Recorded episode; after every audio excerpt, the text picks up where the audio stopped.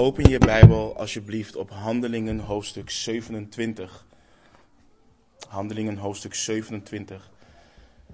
Zondag gaan we vers voor vers door, uh, door de Bijbel en uh, vandaag uh, eindigen we Handelingen. als je geen Bijbel bij je hebt en je wilt een leenbijbel, steek je hand op en we voorzien je van een leenbijbel. Ehm, we behandelen best wel wat, dus laten we bidden en dan vervolgens uh, gelijk de tekst induiken. Vader, we danken u voor uw genade. Nogmaals, Heer, we danken u voor uw woord. Heer, wilt u ons alstublieft leiden, Heer? Wilt u ons verlichte ogen van ons verstand geven, opdat we kunnen begrijpen wat u vandaag tot ons wilt spreken. Heer, we danken u, we danken u voor uw woord en bidden dit allemaal in Jezus' naam. Amen. Wat ik net al zei, we komen vandaag aan het einde van onze reis door dit prachtige boek Handelingen. En uh, ik had even gekeken. We zijn 14 juni 2020 zijn we begonnen aan dit boek. En vandaag, door Gods genade, uh, zijn we een jaar verder en ronden we het af.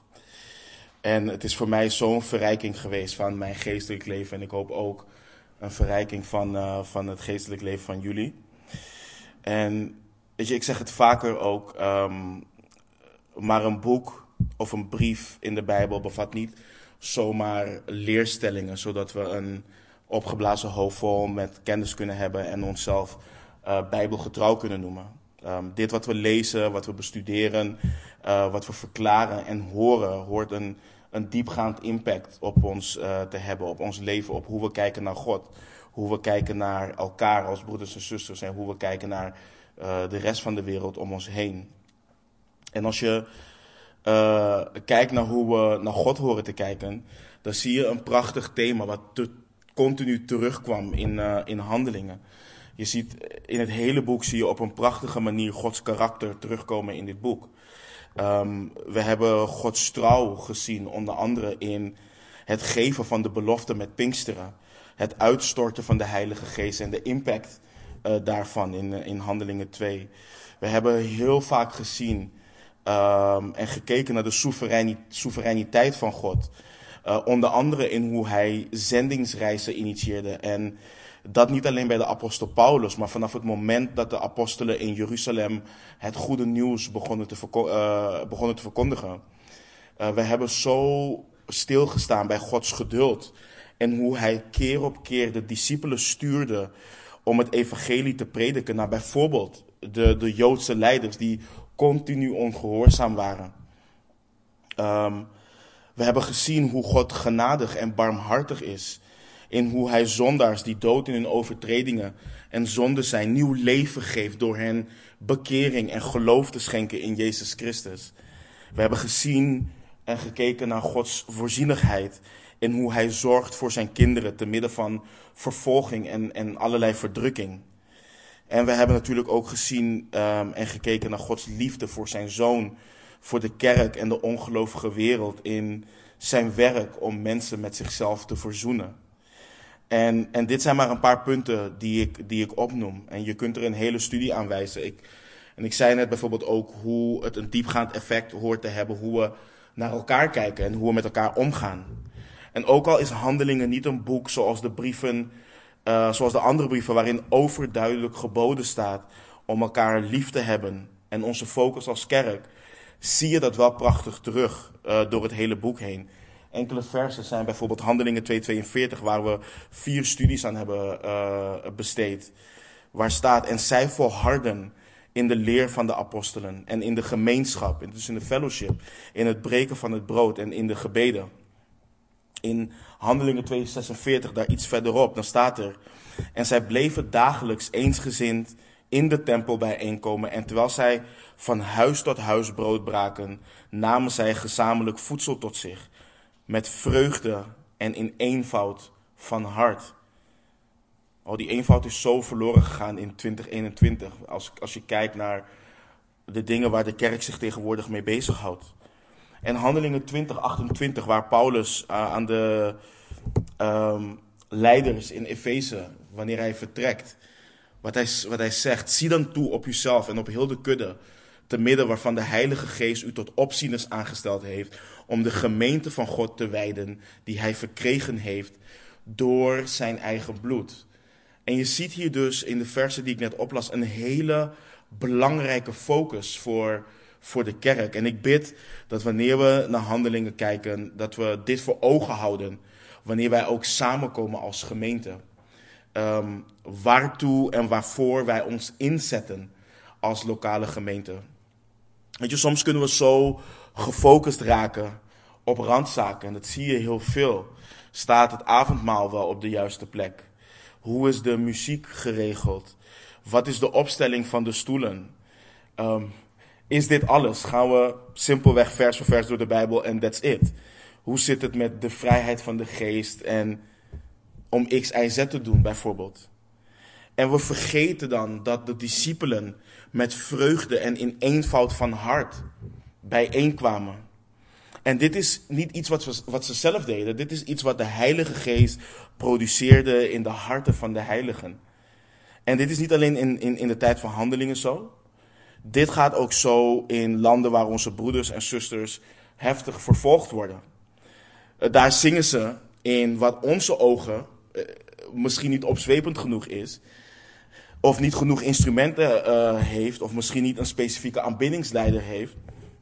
Maar ze zingen met vreugde en in eenvoud van hart. Ik, heb, ik zie filmpjes bijvoorbeeld in China waar ze niet zo kunnen samenkomen zoals wij kunnen samenkomen. Daar heb je een broeder of een zuster die voor de deur staat om te kijken of er niet iemand komt om de hele boel door elkaar te schudden, omdat het verboden is om het geloof te beleiden in Christus. En dan zingen ze fluisterend. Fluisterend. Omdat er zoveel is om dankbaar voor te zijn. En dan gaat het niet om de manier waarop we zingen, maar dan gaat het om het feit dat we onze dankbaarheid kunnen uiten aan de Heer. En, en, en hoe dat gebeurt is, is secundair. Het is niet om ons in de stemming te brengen en ons een goed gevoel te geven, maar om Christus te verheerlijken, om God te verheerlijken. En ik heb het vaker gezegd, en ik zeg dat niet om ons, om ons oren te slaan, maar we, we zijn hier in het Westen wel heel verwend. Omdat we gewoon geen problemen kennen.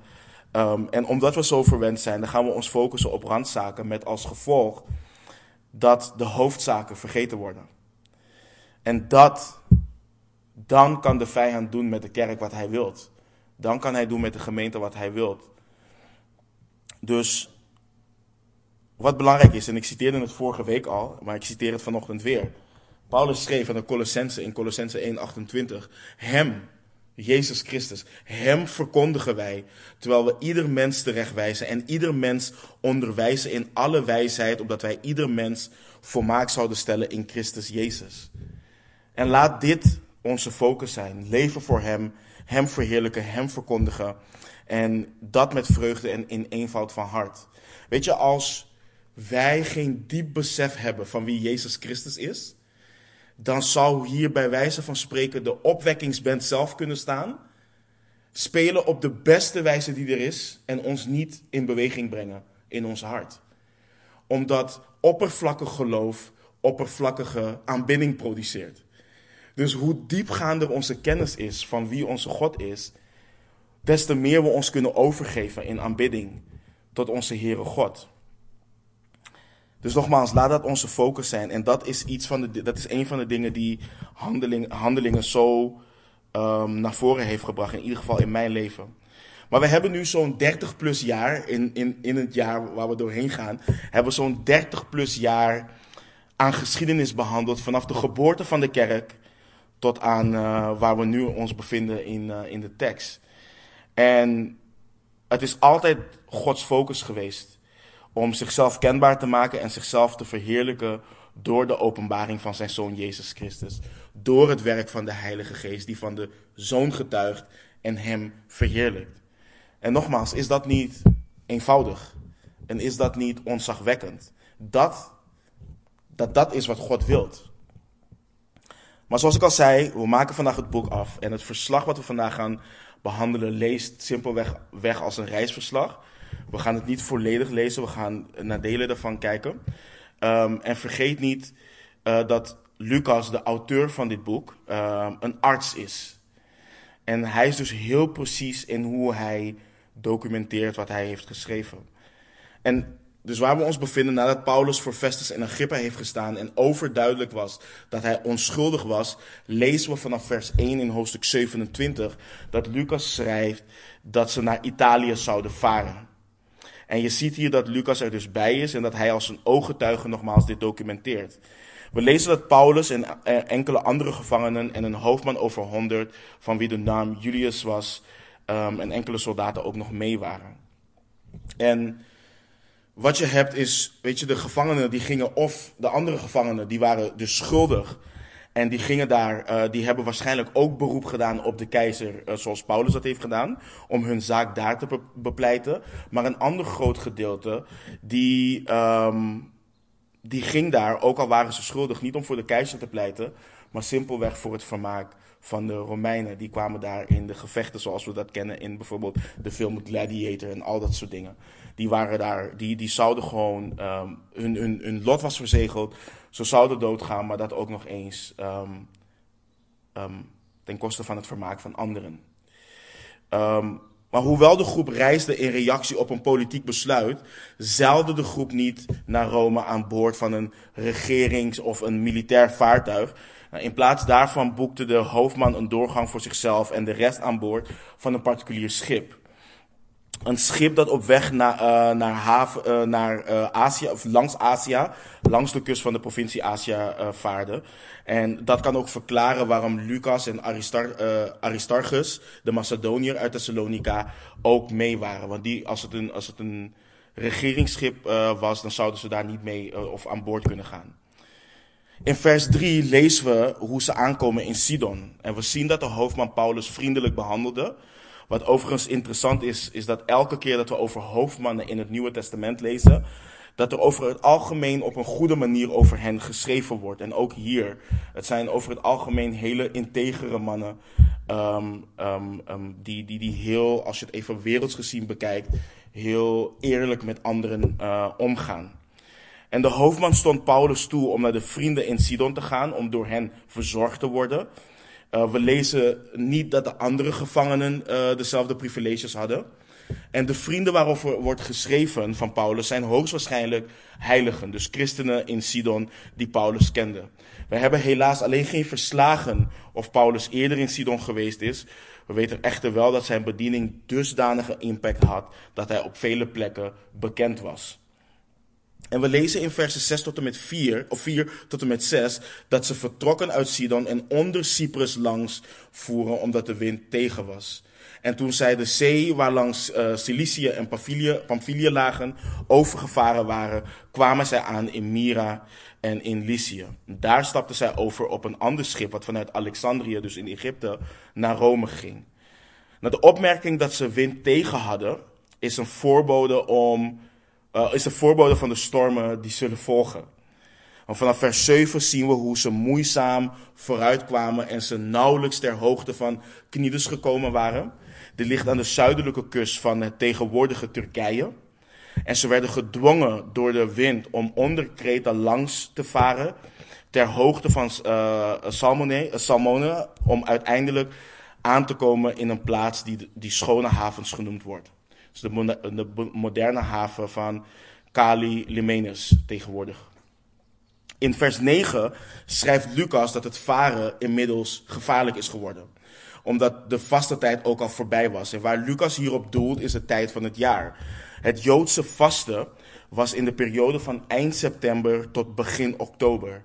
En volgens verschillende geschiedschrijvers was het vooral, ik weet niet waarom 15 september, maar vooral na 15 september een ongelooflijke gevaarlijke tijd om te varen over de Middellandse Zee. En wat overigens interessant is om te weten voor de mensen die dat interessant vinden, is dat vele wetenschappers en historici bevestigen dat het verslag van Lucas um, een van de, of zo niet, het meest gedetailleerde en correcte verslag is van wat we hebben uit de geschiedenis, van hoe het eraan toeging op zee in de Middellandse Zee in die periode. En dat zijn verslag dus ook heel betrouwbaar is. Jammer dan dat de rest van het verslag over de Heer Jezus Christus niet uh, erkend wordt als betrouwbaar. Maar het is wel interessant om te zien hoe dit bevestigd is. Er is geen ander boek um, zo vroeg in de geschiedenis wat dit zo uh, precies documenteert. Dus voor de mensen die dat altijd interessant weten om ehm, te weten hoe uh, de Bijbel ook buiten Bijbelse bronnen bevestigt, dit is, dit is er één van. Maar het is dus gevaarlijk geworden en Paulus waarschuwt iedereen um, en zegt in vers 10: Mannen, ik zie dat de vaart zal plaatsvinden met hinder en grote schade. Niet alleen voor de lading en het schip, maar ook voor ons leven. En je vraagt je af, waar haalt Paulus deze kennis vandaan om dit te zeggen? Want later in het verslag zie je dat niemand zijn leven zal verliezen. Dus Paulus opereert hier niet op basis van een goddelijke openbaring. Um, wat Paulus een expert maakte, was zijn geschiedenis. Uh, want aan de Corinthiërs schreef Paulus voor deze gebeurtenis in Handelingen uh, het volgende. In 2 Korinthe 11 vanaf vers 25 schrijft Paulus. Driemaal ben ik met de roede gegezeld.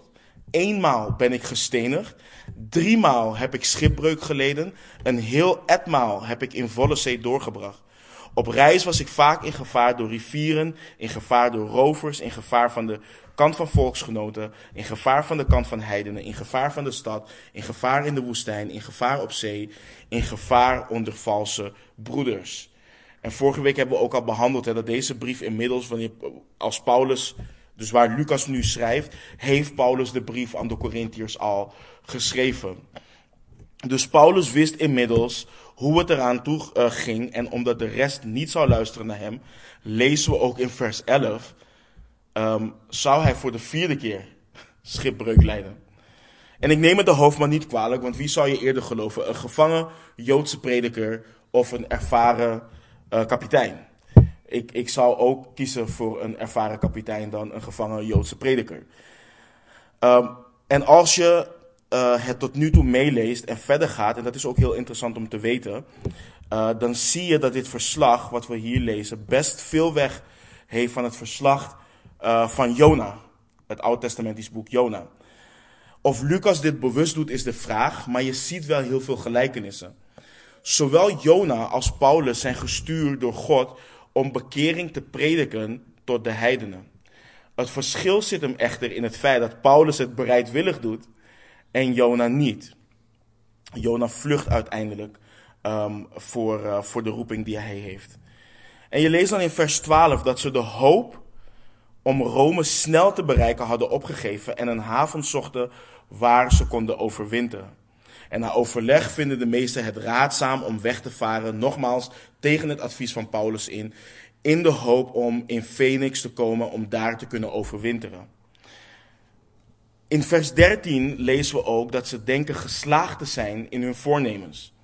Omdat de zuidenwind uh, zacht waaide, maar in vers 14 lezen we dan dat niet lang daarna Kreta werd getroffen door een, uh, een stormwind.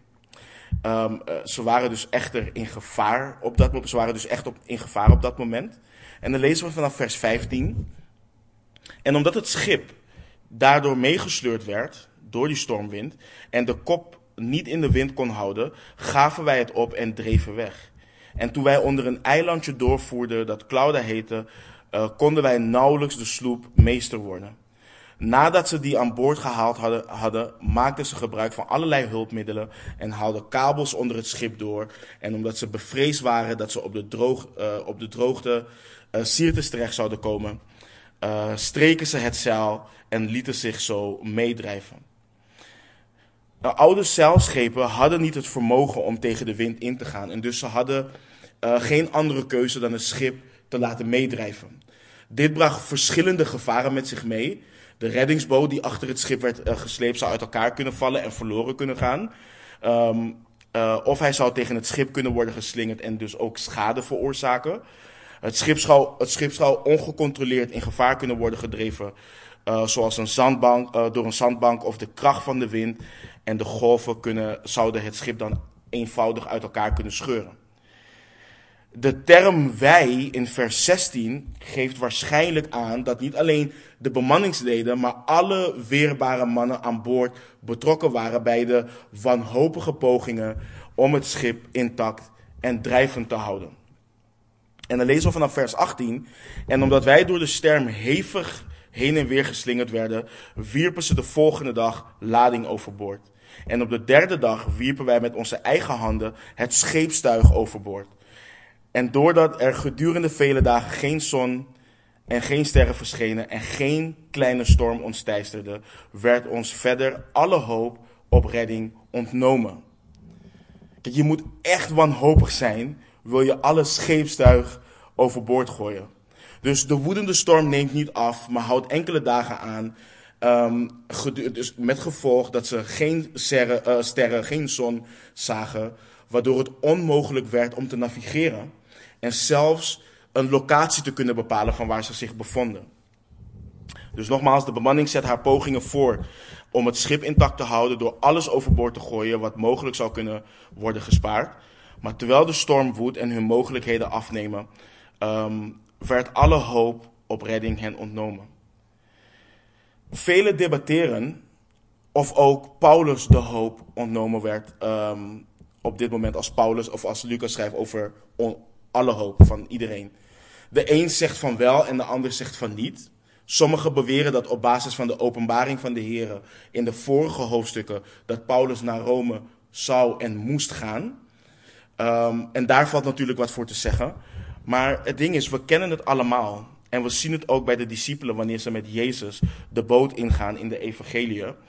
Um, dat je te midden van de storm je belofte van de Heer kunt vergeten. En dat je vaak te midden van de storm herinnerd moet worden aan de beloften van de Heer.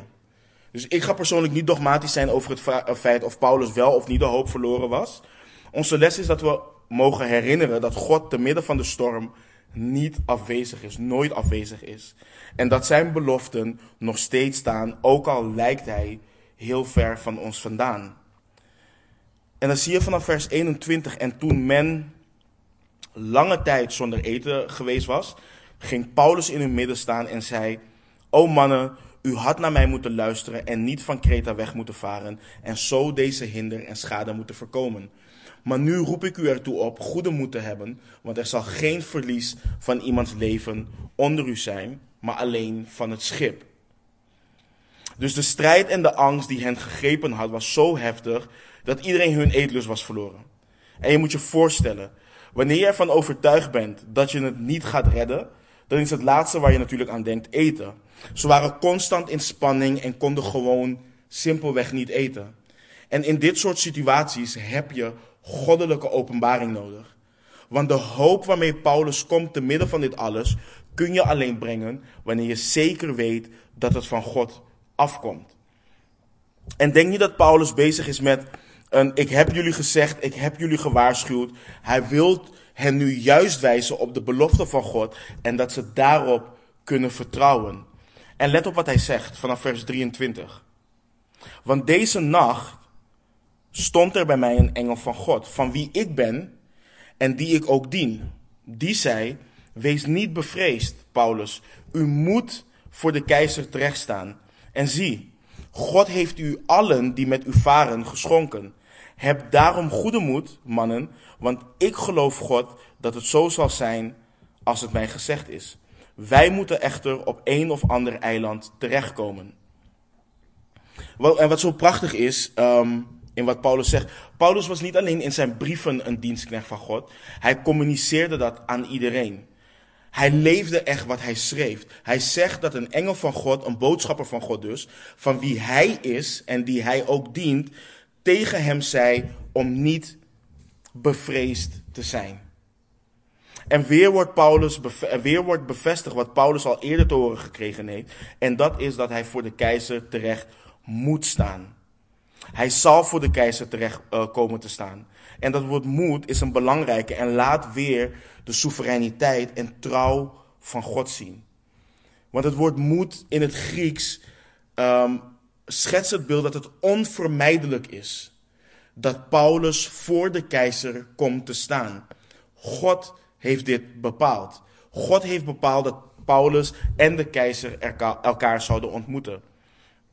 En daar zou een storm niets in veranderen. De natuur werkt namelijk niet tegen God in. Hij is heerser over de natuur.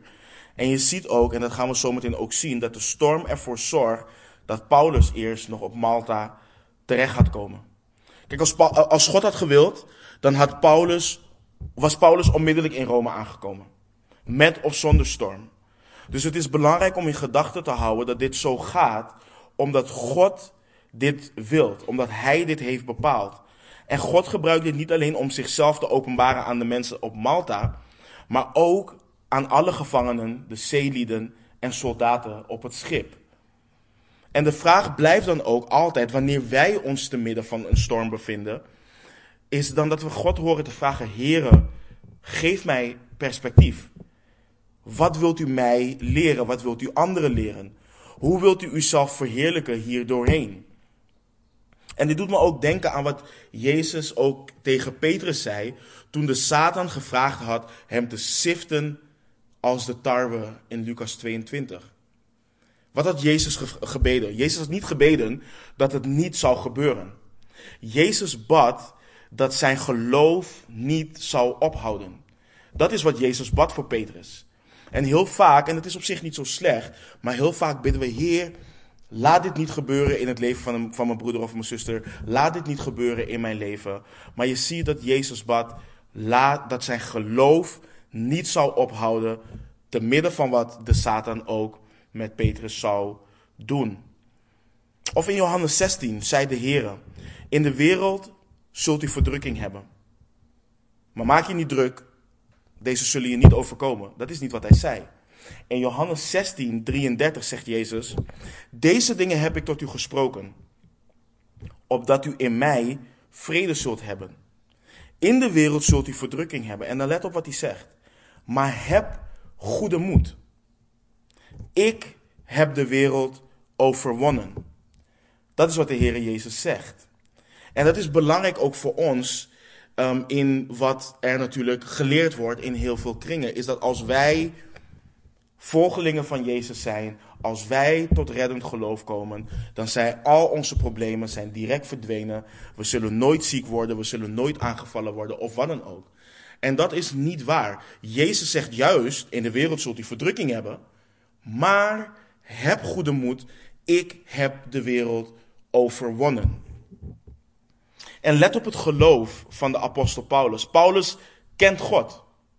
Hij weet dat hij op God kan vertrouwen. Hij weet dat hij God kan geloven. En hij zegt daarom ook: heb daarom goede moed, mannen, want ik geloof God. Dat het zo zal zijn als het mij gezegd is. Weet je, Jezus heeft in de evangelie heeft hij gezegd hè, dat we ons nergens zorgen over moeten maken. Dat de haren op ons hoofd geteld zijn door God de Vader. Dat onze hemelse Vader weet wat we nodig hebben. En de vraag is, weten we dat God dit heeft gezegd? Of geloven we God dat het zo zal zijn zoals Hij het gezegd heeft? En ik kan zo voor iedere belofte kan ik die vraag stellen. Weten we dat God het heeft gezegd? Of geloven we God? En ik stel mezelf ook deze vraag. Weten we wat God heeft gezegd? En weten, we, weten wat God heeft gezegd en geloven zijn totaal twee, zijn twee verschillende dingen. Veel mensen weten dat ze hun Bijbel horen te lezen en horen te bidden. Maar velen doen het niet. Dus nogmaals, het weten en het geloven zijn twee verschillende dingen. Het geloof van Paulus te midden van deze storm is zo prachtig om te zien. En het doet denken ook aan wat Paulus schrijft aan de Filippenzen in hoofdstuk 4, versen 6 en 7. Daar schrijft hij: Wees in geen ding bezorgd, maar laat uw verlangens in alles door bidden en smeken met dankzegging bekend worden bij God. En de vrede van God, die alle begrip te boven gaat, zal uw harten en uw gedachten bewaken in Christus Jezus. Dit is geen suggestie. Dit is een gebod met daarin ook een belofte. Als we dit doen, als we onze verlangens in alles door bidden en smeken met dankzegging bekendmaken bij God, dan zal de vrede van God, die alle begrip te boven gaat, uw harten en uw gedachten bewaken in Christus Jezus. We kennen ze allemaal. Die broeders en zusters die 20, 30, 40 jaar met de Heeren wandelen. Die zoveel verdrukking meemaken, die zoveel meemaken. Of niet eens alleen 20, 30 jaar, 40 jaar wandelen met de Heeren. Alleen onze broeders en zusters al in het Midden-Oosten. Of in Aziatische landen waar ze het geloof niet openlijk kunnen beleiden. Wanneer je ze spreekt, dan vraag je je, je zult bijna in je vlees denken, zijn deze mensen naïef? Dat ze zo met het geloof omgaan. Is het gewoon naïeve hoop?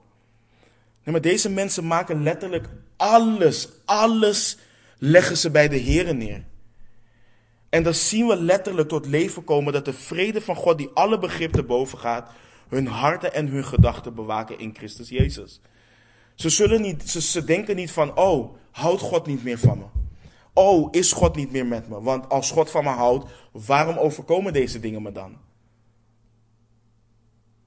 Nee, de herinnering wordt gebracht. In de wereld zult u verdrukking hebben, maar heb goede moed. Ik heb de wereld overwonnen. De herinnering zal worden gebracht. Wees in geen ding bezorgd, maar laat uw verlangens in alles door bidden en smeken met dankzegging bekend worden bij God. En de vraag is: geloven wij dit? Geloven wij dat als wij dit doen, dat dit ook zal gebeuren? Dat dit het gevolg ervan is? En vanaf vers 27 lezen we dat Lucas verder gaat. Toen nu de veertiende nacht aangebroken was, terwijl wij in de Adriatische Zee heen en weer gedreven werden, vermoedden de zeelieden midden in de nacht dat er land dichter bij hen kwam. En zij wierpen het dieplood uit en peilden twintig vaden. En na iets verder gevaren te zijn, wierpen zij weer het dieplood uit en peilden vijftien vaden. En omdat zij vreesden dat zij ergens op rotsachtige plaatsen terecht zouden komen, wierpen zij van, vanaf het achterschip vier ankers uit en wensten dat het dag werd. In de tijd verwees de term Adriatische Zee uh, naar een groter gebied dan, dan wat we tegenwoordig kennen. Uh, het strekte zich uit tot Cilicië, Kreta en, en Malta. En de positie waarin ze zich nu bevonden, van wat wij tegenwoordig kennen als de Sint Paulus Bay, Sint Paul's Bay op Malta, zou ook in dit gebied zijn geweest. En het is waarschijnlijk dat ze de golven, en dat zie je ook vaker wanneer je dichter bij de kust komt, hè, dan hoor je de golven tegen de kust slaan, tegen de rotsen aanslaan, wat erop wees dat ze het land naderden. Dus wat wilden ze? Ze wilden hun snelheid en, en, en, en, en, en richting wilden ze bevestigen door, door peilingen te nemen. En dat wil zeggen door een verzwaarde lijn in het water te laten zakken, die markeringen had om de diepte aan te geven van waar ze zich bevonden. Nou, snel afnemende diepte betekende een snel naderende kustlijn. Waardoor de bezorgdheid ook ontstond dat het schip tegen de rotsen, aan zou aan, eh, dus tegen de rotsen op zou aanknallen. Um, als reactie lieten de zeelieden, uh, zeelieden ankers vallen in de hoop de voortgang van het schip uh, lang genoeg te kunnen vertragen, zodat het daglicht zou worden en dat hen zou kunnen helpen. Dus ze, ze vertrouwen niet meer op het feit dat ze zeelieden zijn. Het wordt op een gegeven moment gewoon een kwestie van wensen, want ze weten het gewoon niet meer. En vanaf vers 30 zien we dan, maar toen de zeelieden probeerden van het schip te vluchten en de sloep in, de, in zee neerlieten, met als voorwensel dat zij ankers uit het voorschip zouden uitwerpen, zei Paulus tegen de hoofdman en de soldaten, als zij niet in het schip blijven, kunt u niet gered worden. En toen kapten de soldaten de trouw van de sloep en lieten hem in zee vallen. Weet je wat bijzonder is? Hierin zie je dit ook. God had één manier bepaald hoe iedereen gered kon worden op, op, op hier op schip, op dit schip. Hij had maar één manier bepaald. Als zij dat schip zouden verlaten, dan zouden ze niet gered kunnen worden. En hetzelfde geldt dus ook voor ons reddend geloof. Er is één manier waarop we tot Christus kunnen komen. En dat is de manier, of waarop we tot God kunnen komen. Dat is de manier die Hij heeft bepaald. En dat is door geloof in Christus en bekering tot God. Dat is de enige manier. Het is niet, ik kom naar de kerk en ik ben gered. Het is niet, ik kom naar de samenkomsten, ik ben gered. Het is niet, ik beleid hoe ik wil beleiden dat ik geloof in God en ik ben gered. Er is één weg tot God. En daarom zei Christus ook: Ik ben de weg, de waarheid en het leven. Niemand komt tot God. Niemand komt tot de Vader dan door mij. En ik heb al vaker gezegd, en we zien dat ook in de Bijbel, en, en mensen zeggen het ook tegen volgelingen van Jezus. En het is ook gewoon zo. Terecht. Het geloof in Christus, het christendom, is een heel, als je het even zo mag zeggen, bekrompen geloof. Het sluit per definitie ieder andere religie uit. Want Jezus kan niet zeggen: Ik ben de weg, de waarheid en, ehm, en het leven. Niemand komt tot de Vader dan door mij. Maar je kunt ook nog door, door Mohammed, of door Allah, of door um, Boeddha, of wie dan ook, tot geloof komen. Want als we zeggen dat de claim van Jezus waar is, dan is per definitie iedere andere religie een leugen. En als we ons daar niet aan willen onderschikken, dan moeten we per definitie zeggen dat Jezus Christus een leugenaar was. Ik wil me niet op dat terrein bevinden door dat te zeggen, want ik weet, ik heb reddend geloof gekregen van de, van, van de Heren en, en, en, en jullie ook. Maar het is wel belangrijk om dit te beseffen. Wanneer God zegt, dit is de manier waarop je hoort te wandelen, dit is de manier waarop je gered kunt worden, dan is het niet op voor discussie.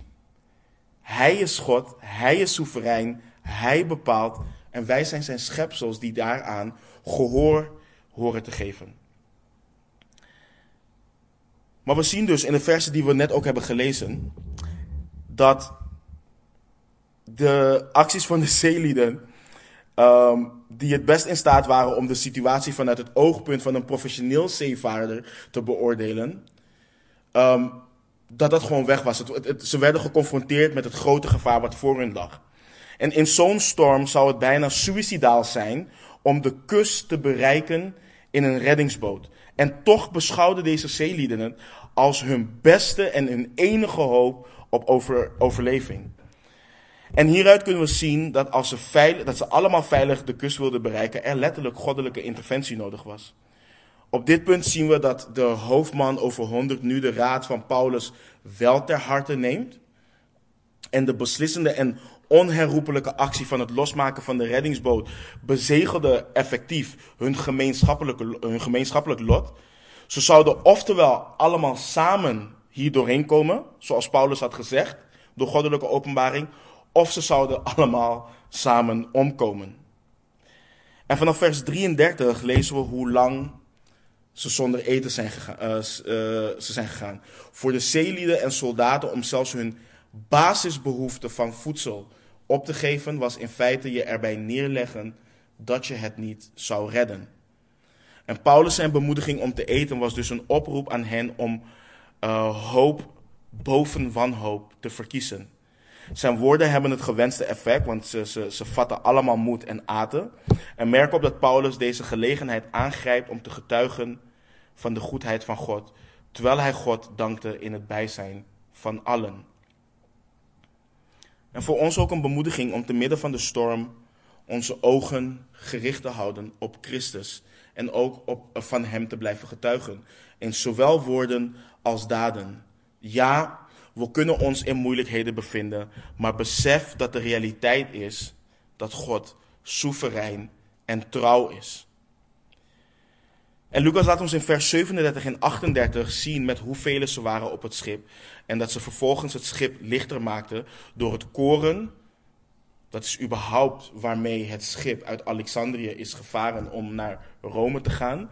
Dat ze dat de zee inwerpen. Het aantal bemanningsleden en soldaten en passagiers aan boord, 276, laat zien hoe onwaarschijnlijk het zou zijn vanuit een menselijk oogpunt.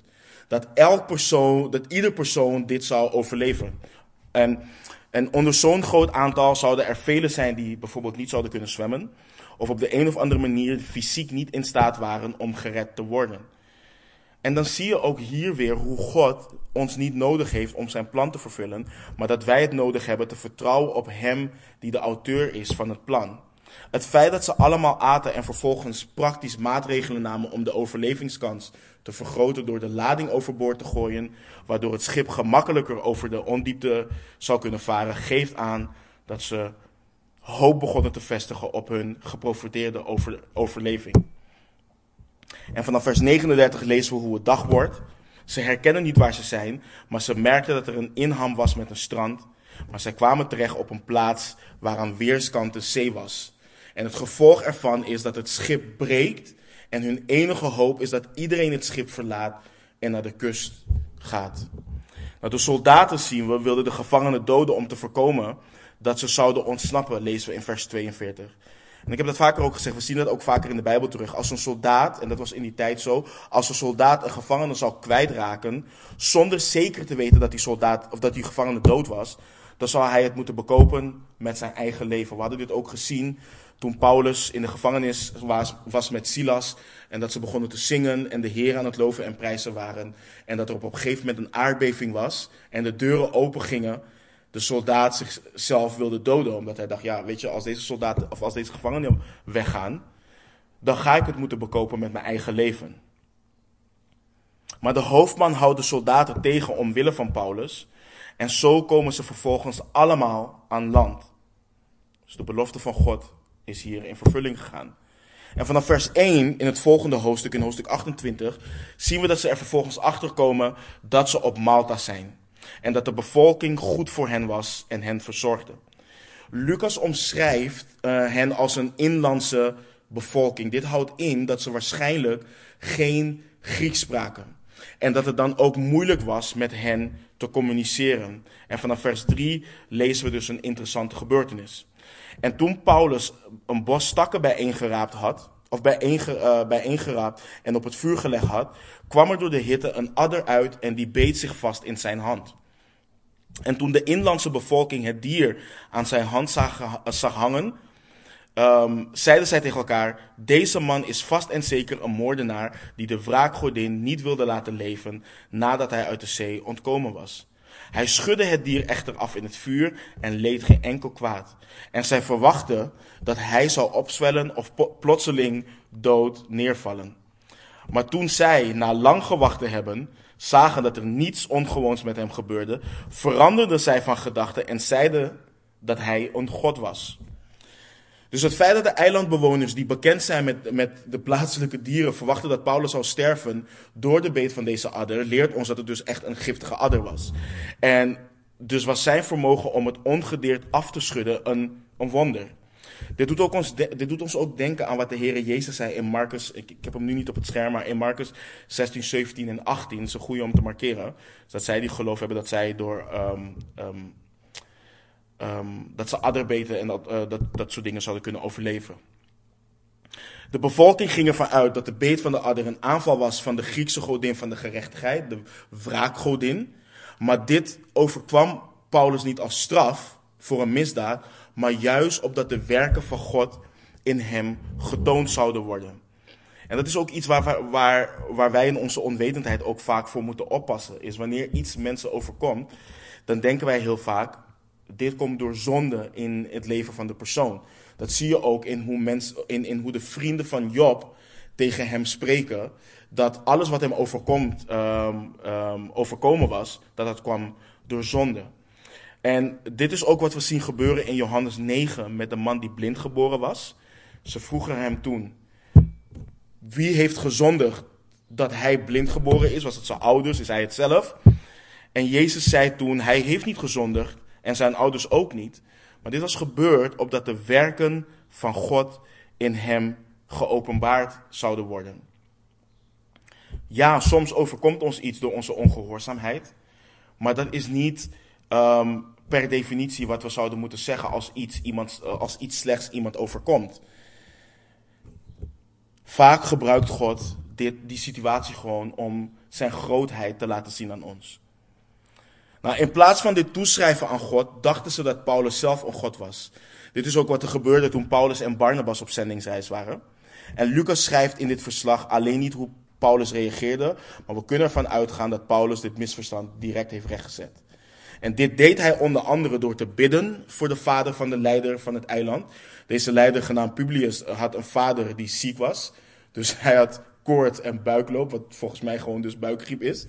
En Paulus ging naar hem toe en legde zijn hand op hem, maar let wel op, na te bidden en maakte hem gezond. En dit alleen al zou laten zien dat Paulus geen God was. Hij was juist afhankelijk van God om dit werk te kunnen doen.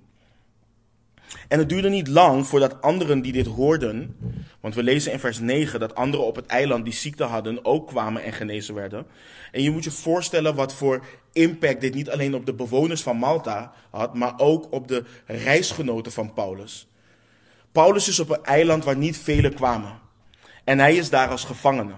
En toch bereikt hij in gevangenschap verloren zielen voor de Here en groeit zo het koninkrijk van God. En op een gegeven moment vertrekken Paulus en de rest weer en geven de bewoners hen wat ze nodig zouden hebben. En je ziet hier dus ook, ze krijgen van alles mee. En let ook op de ironie van wat Lucas schrijft. Het schip waarop ze vertrokken had als teken Castor en Pollux. Pollux. Door velen bestempeld als de Griekse goden van veilige reizen.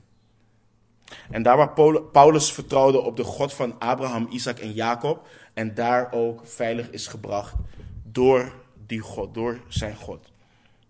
En in vers 13 en 14 lezen we hoe Paulus en de rest um, in Puteoli uh, aankwamen en ze door broeders verzocht werden zeven dagen bij hen te blijven. En dit lag op zo'n 209 kilometer van, van Rome. Sommigen in Rome hadden waarschijnlijk gehoord dat Paulus daar zou komen en kwamen hem ook tegemoet. En uh, één tot de Apjesmarkt, wat zo'n 65 kilometer van Rome lag. En de andere groep vanuit de drie tabernen, wat zo'n 51 kilometer van Rome lag. En toen Paulus de heiligen zag, vatte hij moed en dankte hij God. En je moet je voorstellen dat Paulus niet weet wat hij in Rome zou aantreffen. Toen hij in Jeruzalem kwam, of aangekomen was, met een gave voor de, uh, voor de heiligen daar, hadden de Joden allerlei geruchten over hem verspreid. Dat hij afvallig was geworden van de wet van Mozes. Dus hij weet niet hoe hij ontvangen zou worden in Rome. Maar hij was bemoedigd door het warme welkom en dankte God daar ook voor. En eenmaal in Rome aangekomen, droeg de hoofdman alle gevangenen over. Maar Paulus mocht op zichzelf wonen met de soldaat die hem bewaakte. Het kan zijn dat Paulus dit te danken heeft aan zijn Romeinse burgerschap, of het feit dat men zag dat hij geen crimineel was. Hoe dan ook, God werkte hier doorheen en gebruikte dit ten goede. Want aan de heiligen in Filippenzen schreef Paulus het volgende. En deze brief schreef hij in zijn gevangenschap, uh, tijdens zijn gevangenschap in Rome. In Filippenzen 1, vers 12 tot en met 14. En dan schrijft hij: En ik wil dat u weet, broeders, dat wat er met mij is gebeurd, veel leer tot bevordering van het evangelie heeft gediend. Is dit ook hoe wij kijken naar onze verdrukking? Let op wat hij schrijft. Ik wil dat u weet, broeders, dat wat er met mij is gebeurd, veel leer tot bevordering van het evangelie heeft gediend. Zodat in het hele gerechtsgebouw en aan alle overigen bekend is geworden dat ik een gevangene ben om Christus wil. En dat het merendeel van de broeders in de Here door mijn gevangenschap vertrouwen heeft gekregen om het woord nog overvloediger, onbevreesd te durven spreken. Paulus gaat niet lang nadat hij in Rome is in gesprek met de Joodse leiders van Rome.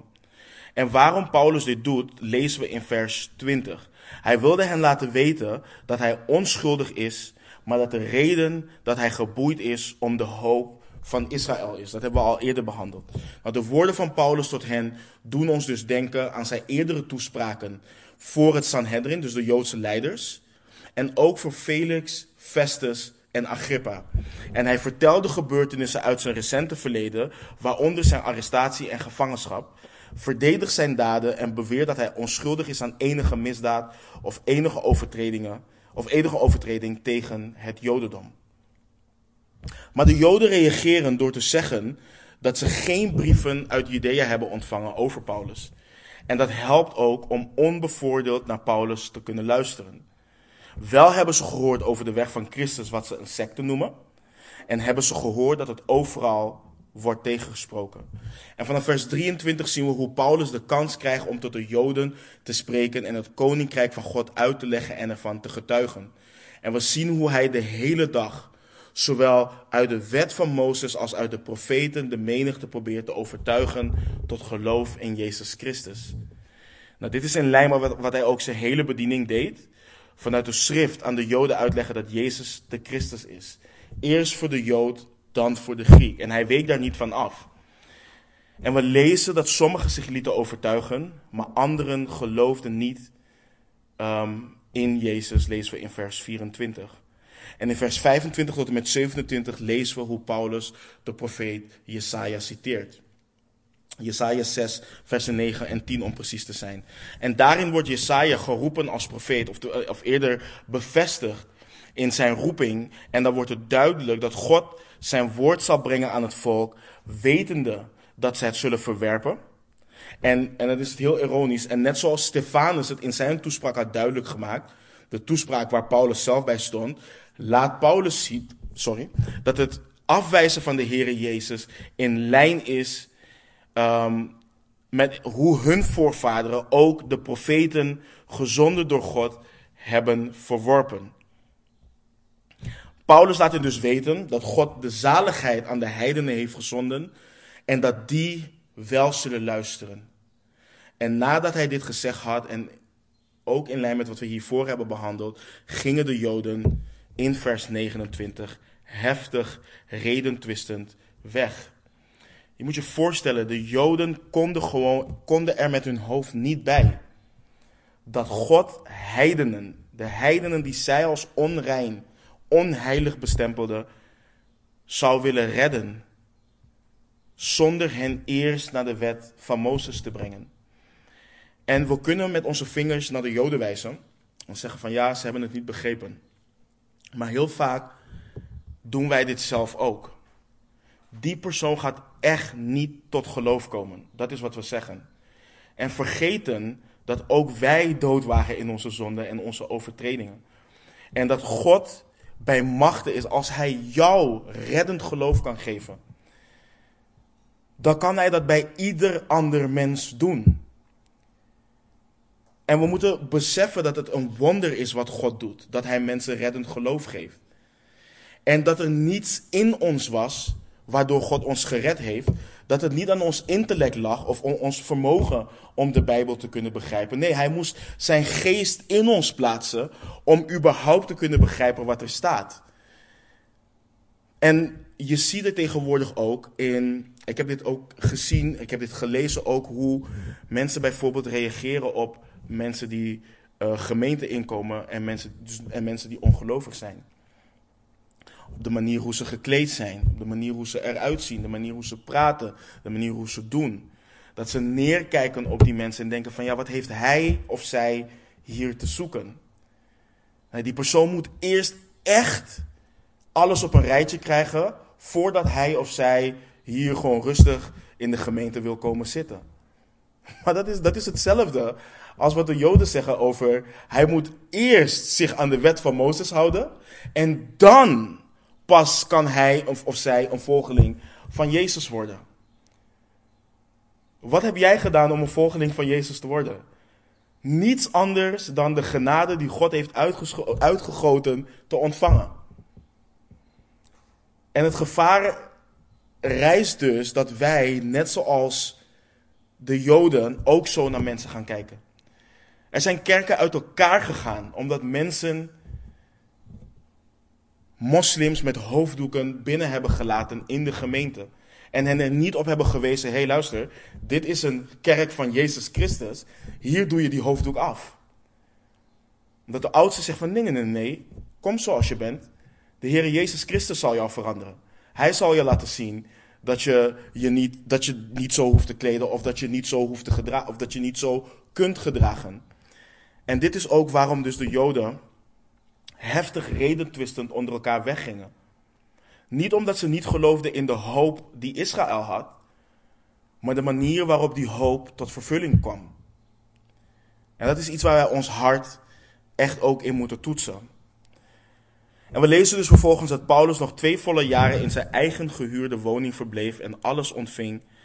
En allen ontving die naar hem toe kwamen. Nogmaals, dit is de soevereiniteit en voorzienigheid van God.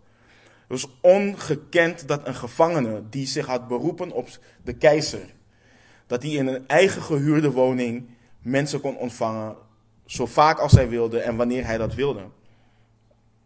En hij predikte het koninkrijk van God en gaf onderwijs over de Heer Jezus Christus met alle vrijmoedigheid en ongehinderd. En let op het laatste woord, ongehinderd. Daar waar God wil dat zijn evangelie verkondigd wordt, kan niemand, maar dan ook niemand het hinderen. En dat hebben we ook gezien door heel handelingen heen. Vanaf het moment dat de Heilige Geest werd uitgestort. Wat lazen we? Dat ze hen begonnen te bespotten. Dat ze uh, dronken waren. Maar God laat zich niet tegenhouden door het ongeloof van mensen. En zo, broeders en zusters, komen tot het einde van handelingen. Het is een open einde. En ik geloof dat het een open einde is. Omdat dat wat God begonnen is, vandaag nog steeds doorgaat. God is niet klaar met zijn plan en ook niet klaar met zijn kerk. En zolang we hier op aarde zijn, kunnen en moeten we gehoor geven om getuigen van Hem te zijn, zoals de discipelen dat ook, zoals we dat ook hebben gelezen over de discipelen in Handelingen 1. Vroeger toen ik, um, dit is echt heel flauw, maar vroeger toen ik nog echt veel series keek, um, keek ik naar een serie en kwam ik aan het einde van de serie en dacht ik opeens van, ik weet niet wat ik met mijn leven moet doen. Het was gewoon zo'n onderdeel van, van mijn leven op dat moment. En we zijn een jaar, een jaar lang door handelingen heen gegaan. En nogmaals, het was zo'n verrijking. En ik bid dat het echt eeuwig vrucht mag dragen. En dat het ons als individuen, maar ook ons als gemeente uh, zal vormen voor Gods glorie en ter bevordering van, uh, van het evangelie. Laten we bidden. Hemelse Vader, we danken u, Heer, voor alles wat we tot nu toe geleerd hebben, Heer. En alles wat u ons nog wilt leren. Heer, u bent zo goed geweest um, het afgelopen jaar. U heeft zoveel laten zien. U heeft ons stap voor stap heeft u ons geleid door deze studie. En we zijn u zo dankbaar. En um, ja, dank u wel ook voor de, voor de technologie, voor de techniek, dat we alles hebben kunnen opnemen en dat we ook kunnen terugluisteren wanneer dat nodig is, Heer. En ik um, bid, Heer, dat u, um, dat u ons voor eeuwig zal veranderen. En dat dit ons als gemeente hechter maakt en eensgezind houdt en ons gefocust houdt op de grote opdracht, hetgeen waartoe u ons geroepen heeft, Heer. En dat u door de studies ook mensen naar u toe mag trekken die u nog niet kennen, die hun leven nog niet aan u hebben gegeven. En uw koninkrijk hier op aarde mag groeien, Heer. We loven en prijzen uw naam. We danken u voor alles wat u gedaan heeft en voor wat u nog gaat doen. En bidden dit allemaal in de machtige naam van onze Heer Jezus. Amen.